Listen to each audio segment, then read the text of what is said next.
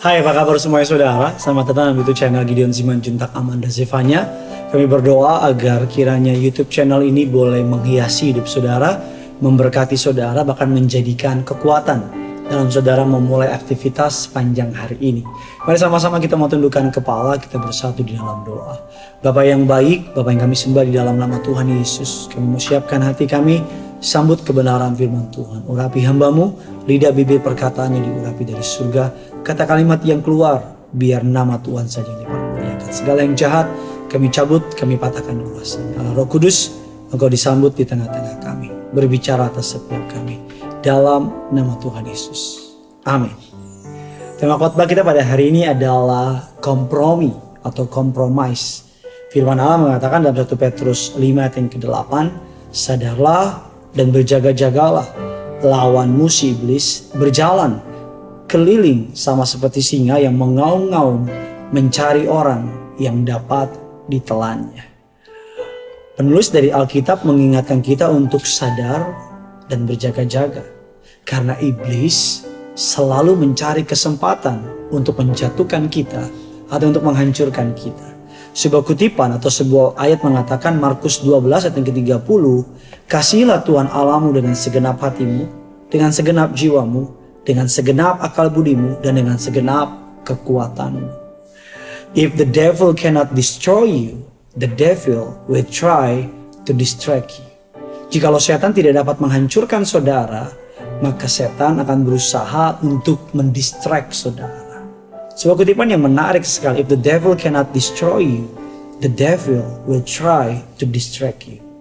Iblis kalau dia tahu dia nggak bisa ngancurin saudara, maka dia akan memberikan saudara sebuah gangguan atau sebuah kesibukan atau bahkan mungkin dalam tanda kutip dia memberikan pelayanan yang banyak, berkat yang banyak, toko yang rame, studi yang lagi berhasil-berhasilnya. Karena supaya kita melupakan Tuhan dan kita ke dengan hal-hal yang lain. Bagaimana cara iblis membuat kita kompromi dengannya? Yang pertama, kompromi nomor satu. Ikut Tuhan boleh, tapi masih hidup dalam dosa. Iblis nggak akan masalah. Iblis will find dia nggak akan masalah kalau saudara ikut Tuhan tapi masih hidup dalam dosa. Karena bagi iblis selama saudara masih hidup dalam dosa, maka sesungguhnya saudara tidak benar-benar ikut Tuhan.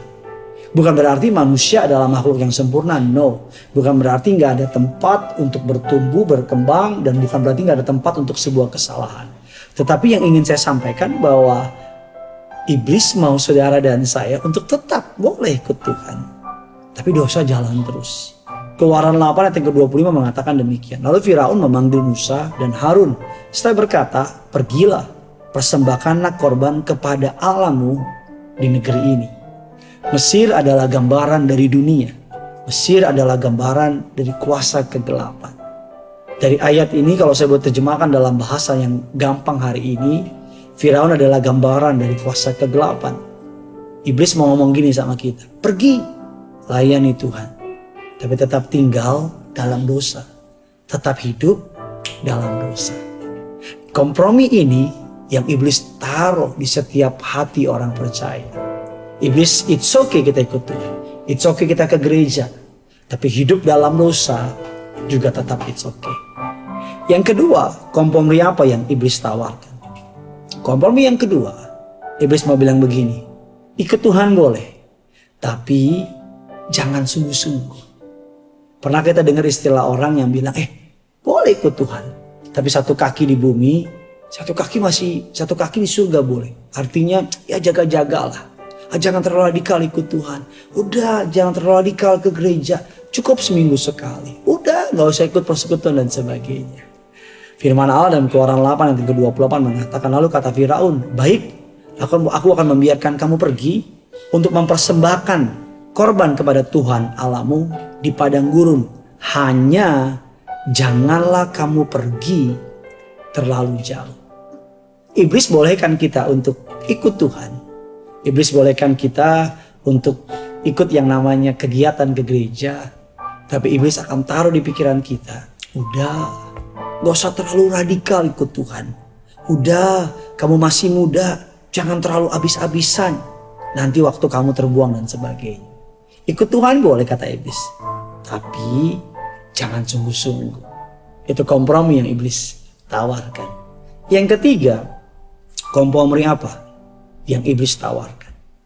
Terambil dalam firman Allah, keluaran 10 ayat yang ke-10. Tetapi Firaun berkata kepada mereka, Tuhan boleh menyertai kamu. Jika aku membiarkan kamu pergi dengan anak-anakmu. Lihat, jahatlah maksudmu. Ayat yang ke-11, bukan demikian. Kamu boleh pergi, tapi hanya laki-laki.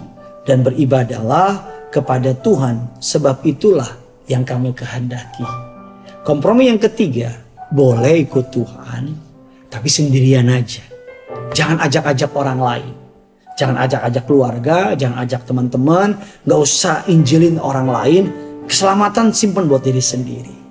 Firaun berkata kepada Musa dan Harun, boleh pergi, boleh membawa korban persembahan beribadah kepada Tuhan, tapi hanya laki-laki saja.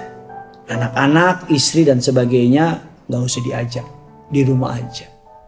Dan iblis mau kita ikut Tuhan, tapi udahlah Gak usah terlalu radikal. Gak usah bawa orang ke gereja. Gak usah nginjilin. Gak usah ceritakan tentang Yesus sama orang lain. Itu kompromi yang ketiga. Kompromi yang keempat. Ikut Tuhan. Tapi sisakan harta dan pekerjaan. Keluaran 10 ayat yang ke-24 mengatakan. Pergilah beribadalah kepada Tuhan. Hanya kambing, dombamu, dan lembu sapimu harus ditinggalkan juga anak-anakmu boleh turut beserta kamu. Firaun ini licik sekali. Pertama dia boleh boleh dia boleh biarkan pergi, tapi jangan jauh-jauh. Udah boleh jauh-jauh, tapi dikatakan jangan bawa anak-anak. Anak-anak boleh dibawa. Yang terakhir dikatakan boleh ikut Tuhan, tapi sisakan harta dan pekerjaan. Firaun mau bilang sama Musa dan Harun boleh pergi, tapi hartamu di sini. Ada banyak orang mau ikut Tuhan, tapi harta sama pekerjaannya lebih jadi Tuhan dalam kehidupannya. Ada orang mengaku Tuhan adalah segalanya, tapi ketika pekerjaan atau hartanya berhadapan dengan kepentingan Tuhan, maka dengan sendirinya dia mundur. That's why kompromi-kompromi yang tadi kita baca. Kompromi yang pertama dikatakan saudara bahwa ikut Tuhan tapi masih hidup dalam dosa. Ikut Tuhan tapi jangan sungguh-sungguh amat gitu. Ikut Tuhan, tapi sendirian aja. Yang keempat, ikut Tuhan, tapi sisakan harta pekerjaan. Firman Allah yang terakhir mengatakan demikian 1 Korintus 5 ayat yang ke-6. Tidak tahukah kamu bahwa sedikit ragi menghamiri seluruh adonan. Ikut Tuhan gak bisa 90%, ikut Tuhan gak bisa 99%, ikut Tuhan harus 100%. Bagikan kabar baik ini kepada orang-orang yang sudah kasihi. Bilang sama mereka, eh ikut Tuhan, jangan kompromi. Ini firmannya, ini ayatnya. Jangan lupa tulis kolom komentar di bawah. Saya berdoa, yang punya surga, crazy love itu. Tak akan menyerah pada apa pun juga Sebelum ku coba semua yang ku bisa Tetapi ku berserah Kepada kehendakmu. Hatiku percaya Tuhan punya rencana Mari bawa imanmu pada hari ini ku tak akan Ku tak akan menyerah. Ada apa pun juga sebelum ku coba semua yang ku bisa tetapi ku berserah kepada kehendakmu hatiku percaya Tuhan punya rencana. Hatiku percaya Tuhan punya rencana Hatiku percaya Tuhan punya